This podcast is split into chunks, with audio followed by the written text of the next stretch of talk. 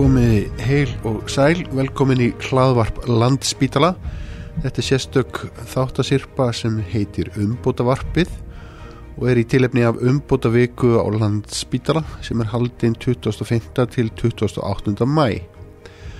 Nú markmið Umbótavikunar er að hvetja starfsfólk áfram í umbótastarfi og veita hvort öðru um innblástur, leiðu við fræðumstum árangusrík verkefni sem er í vinslu eða hefur nýlega verið lokið og flokkast sem umbótaverkefni.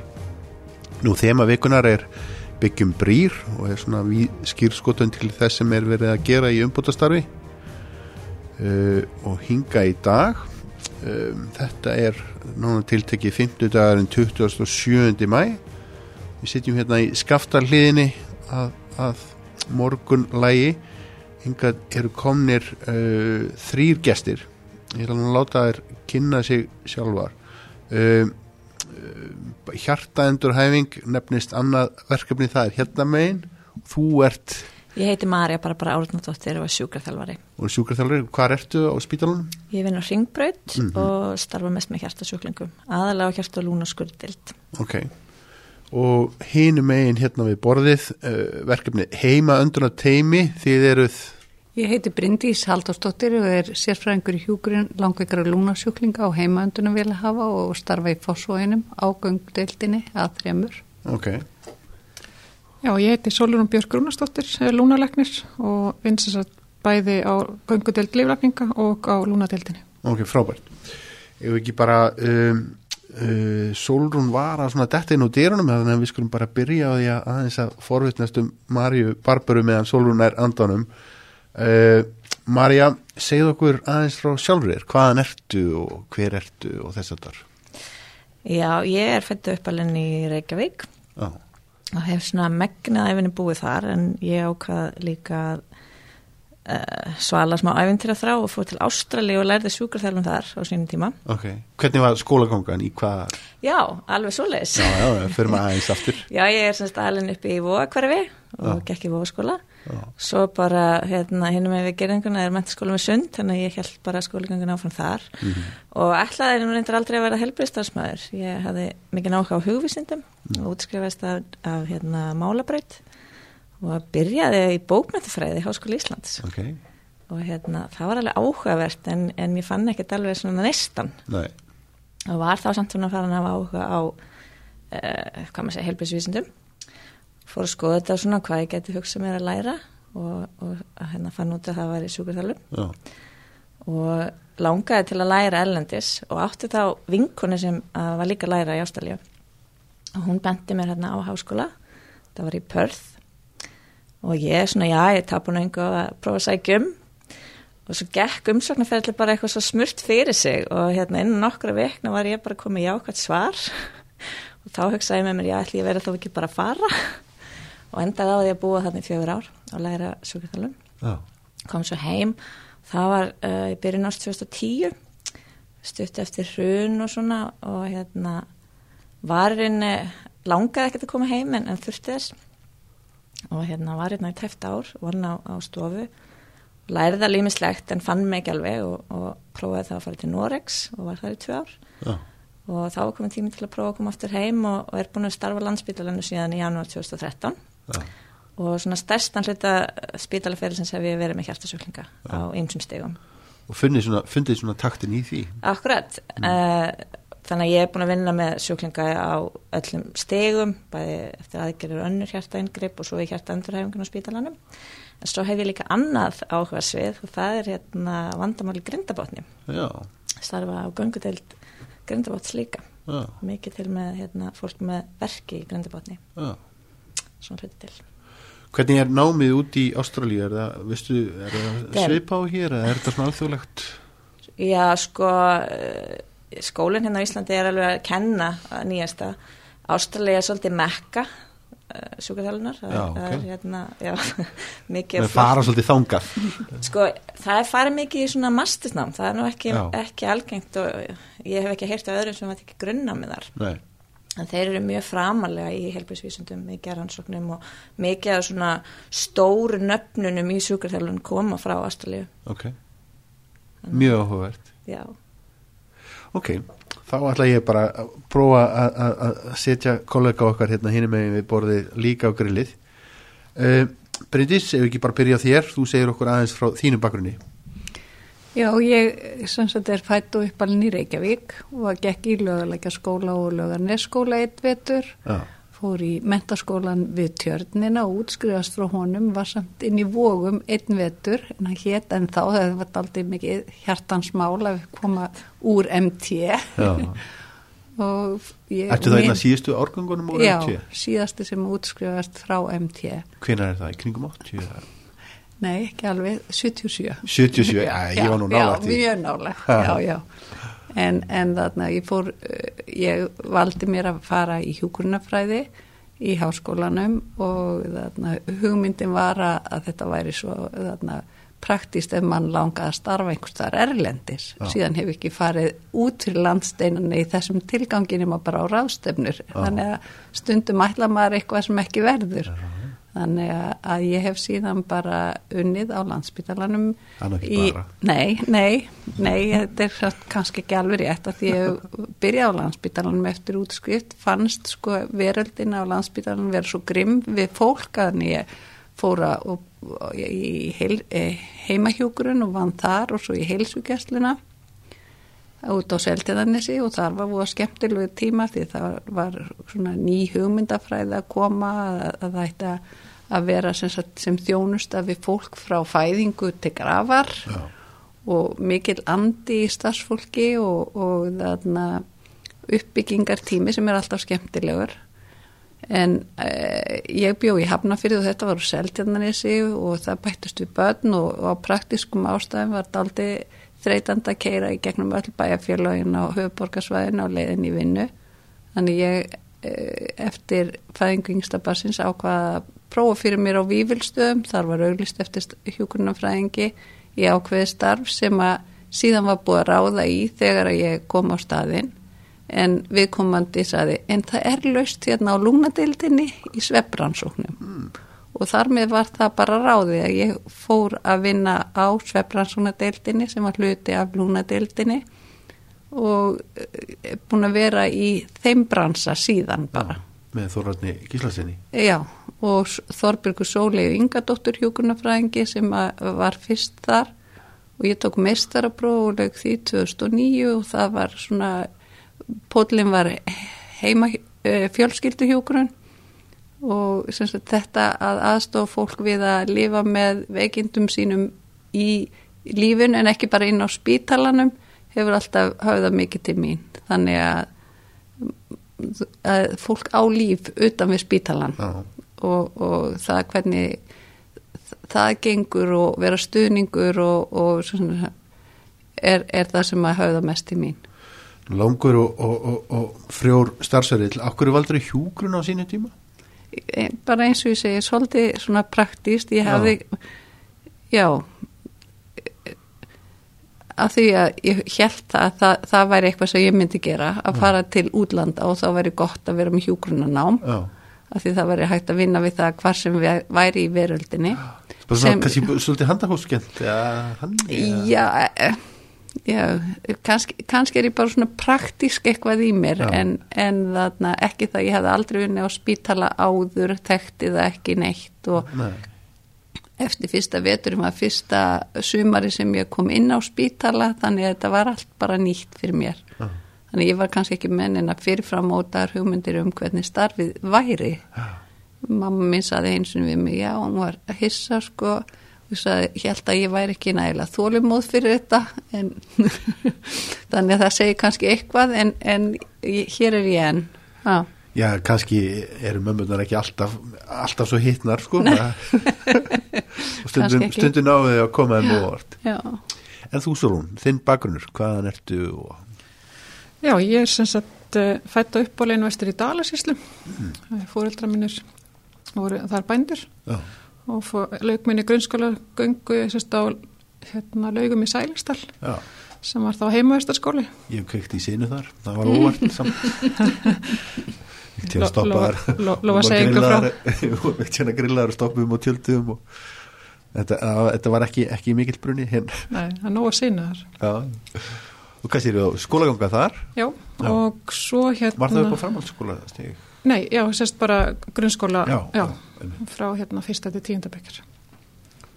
Og hérna, svo ákvaði ég að fara, ég ætlaði alltaf að vera íþróttakennari. Já.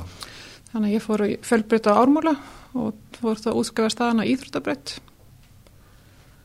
Og hérna, ég lendi því að slíta illa crossband árið án ég útskafaðist, þannig að hérna, plöninum íþróttakennaraskólan þau uppknin urðu, urðu sett, voru sett á ís Já. og hérna svo þegar það var búið að jafna sig að þá langaði mikið lengur þangað þannig að þá var að fara að hugsa um eitthvað nýtt og þannig að ég ákvaði að prófa eh, mitt intökuprófin í lagsveið að þá var það númerus klásus og hérna og komst þar svo endanum í gegn. Já.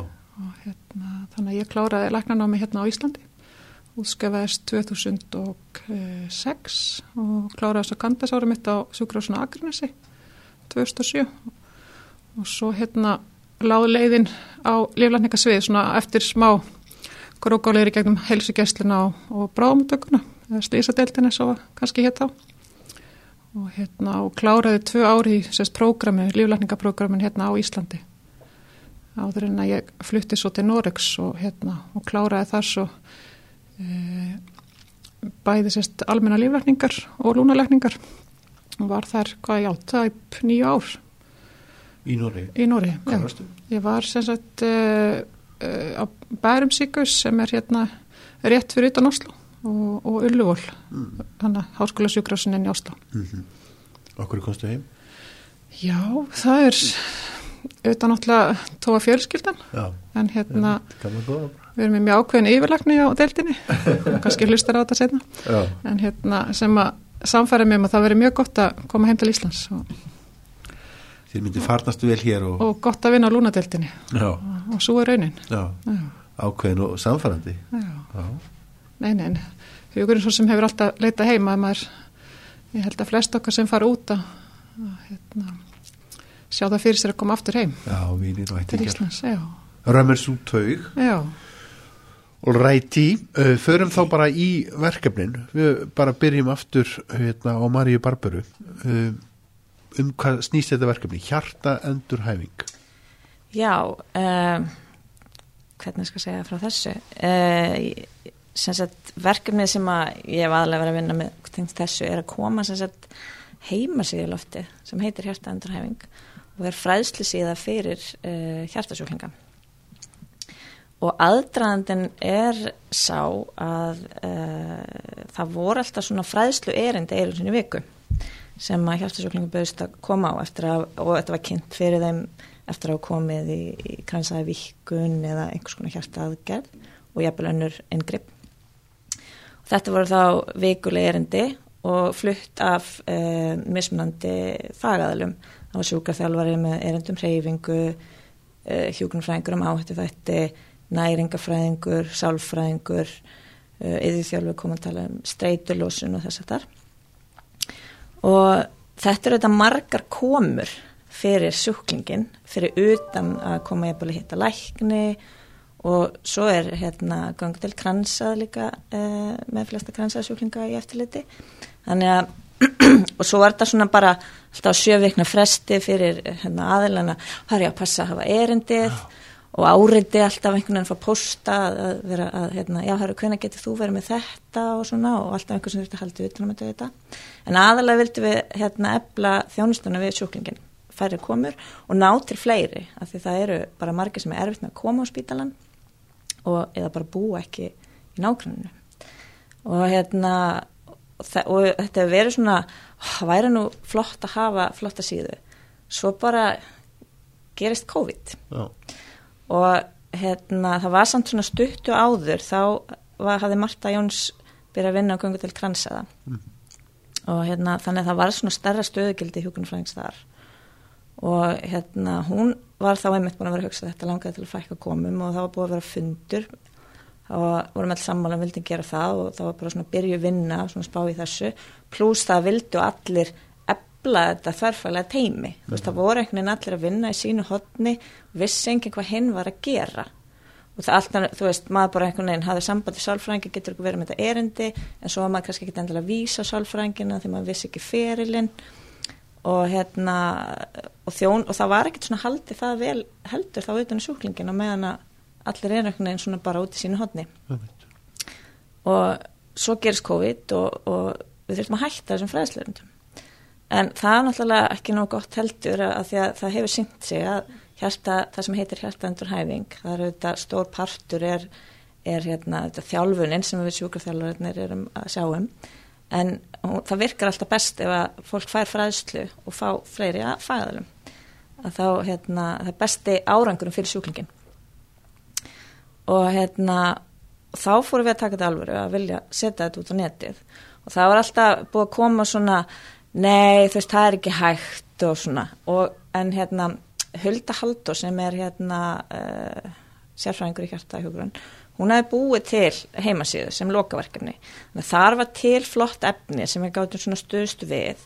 Svo höfðum við samband við hérna, samskiptadeildina og þá bara nefn ekkert mál. Við getum alveg búið til síðu fyrir ykkur. Mm. Segja ykkur bara hva, hvernig við viljum hafa þetta.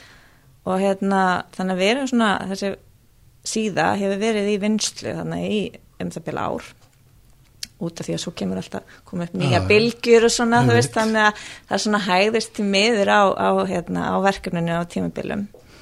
En það hefur verið frábært að vinna þetta og líka svo frábært að á sama tíma þá er einmitt gangið til kransaða að byggjast betur upp og starfið þar eflast. Og nú er staðan svo að erum með vikulega fundi sem alla stjættir mæta og hérna og ef maður kemst ekki þá er samt svona ákveðin ferill fyrir að koma búða máfram og svona.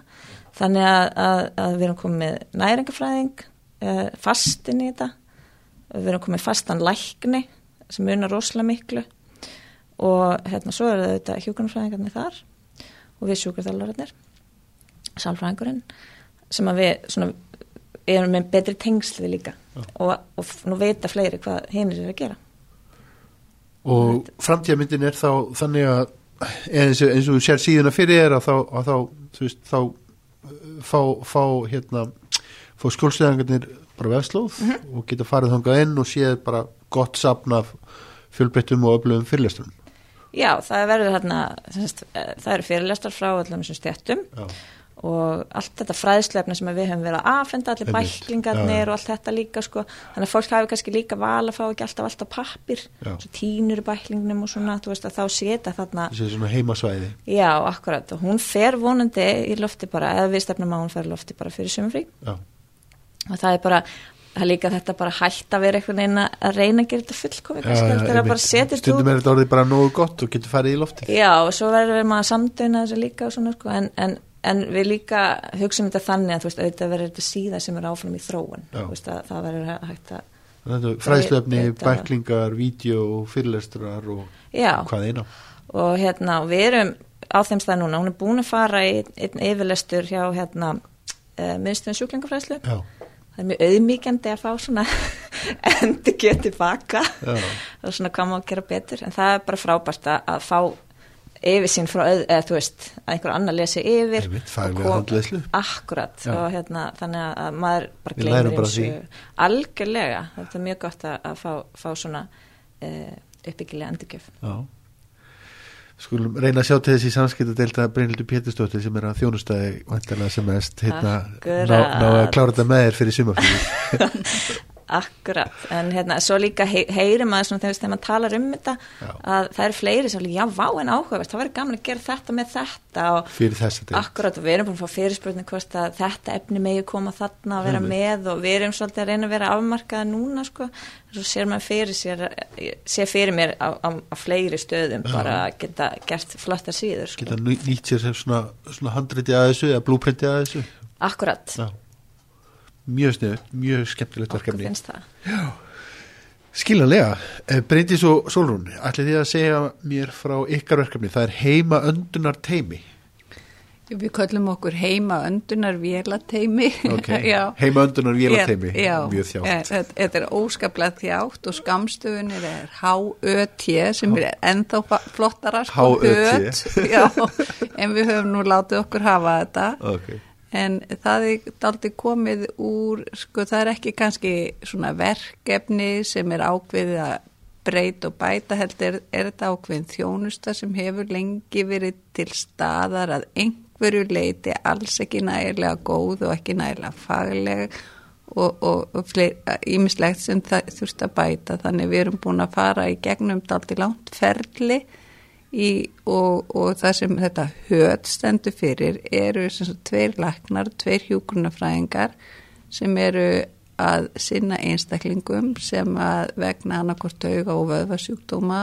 eða, eða eftir háan mænuskaða eða á einhvern annan nátt hafa ekki fullkomna getur til þess að anda sjálfur og þurfa þess svona, svona stuðning við öndunna og það eru þessi tæki sem að, að því að þetta er eitt af því sem er svo háð tækni og þróun. Og það er eiginlega það og svona vilji fólks til þess að hafa áhrif á hvaða meðferða fær og hvar og hvernig það lifir því lífi sem því er útlutað sem er svona verkefnið okkar. Og þetta er það var á tímabili voru einstaklingar festust inn á spítalanum ef að þeir semst, voru komni með svona búnað og þjónustan heim. Þetta er, þetta er stort verkefni í, semst, fyrir ríki og sveitarfjölu svona samstagsverkefni og mjög tengt NPA og, og þeirri þjónustu og bara svona eitt af því líka sem að bara þekking hefur svo mikil áhrif á. Við rættum ekki áðan við Marja, hérna áðan við byrjum um það hvernig sko þjónusta í Noregi e, er mismundi eftir kommunum og það e, greinar hafa verið skrifaður um það að þetta er svona misjamt af því að, fólk hefur mismundi bara þekkingu, faglega þekkingu og mismundi drift og viðhorf til hlutana Mísmunandi þjónusta eftir sveitafélögum Já, eftir sveitafélögum Það er ekki náða að samræma og sam... nei, nei. Nei, nei, bara af því að það fyrir eftir því eins og við núna finnum svo mikið fyrir að við erum núna með e, frábæra lækna í teiminu sem að hafa mjög mikla þekkingu, Solrún og, og Jordan Cunningham og svo eru að bætast fleiri við sem að eru sko svo mikið grunnurinn á að við getum veitt bestu meðferðin á og hvernig tæki og búnaður er notað og eftirfyllt og stuðningur og, og við hjúgrunafræðingarnir erum sagt, e, síðan þessir aðilar sem erum að fylgja fólki heim. Kanski svona mótorinn í verkefninu? Soldi mótorinn, já, já. já og drivkraftur í upphafi og, og það sem að held þessu gangandi á meðan við höfðum ekki þessa flottu lækna með okkur. Og en hugmyndafræði sem sagt hjúgrunarinnar er byggð á vinnu Helgu Jónsdóttur og, og Sólegar Ingadóttur um samráð og það hvernig við nálgumst fólk og, og þarna hvernig við bara upplýsum það um hvað er í bóði og svo framvegis. Og svo Karin Sandberg sem er í vinnur ágöngudeldinni í þessu teimi að, að hún er núna í meistaranámi og er að sérhæfa sig í og vinna verkefni þar sem við reynum að fara ennþá lengra með þetta og auka stuðning og ebla upplýsingagjöf og fræðslu til fólks á þeirra heimavelli og út frá þeirra fórsöndum. Solun, þín sín á þetta verkefni?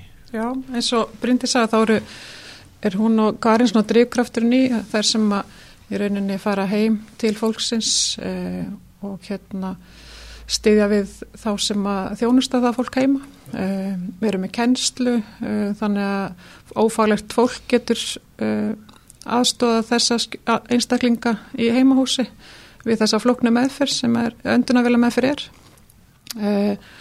Og, og við læknan erum, erum þá meiri svona stuðningsaðili Eh, hefjum meðfyrirna, eh, erum með ráðum ef það þarf að breyta, bæta, eh, erum svo með göngudelt einu sinni viku þar sem við sjáum einstaklinga sem að þá geta komið til okkar og eru þá oftast þeir sem að við vitum að er yfirvóndi að þurfi enduna vil og einni líka þeir sem er þegar hafa hafið slíka meðferð og er ekki háður endilega allan daginn.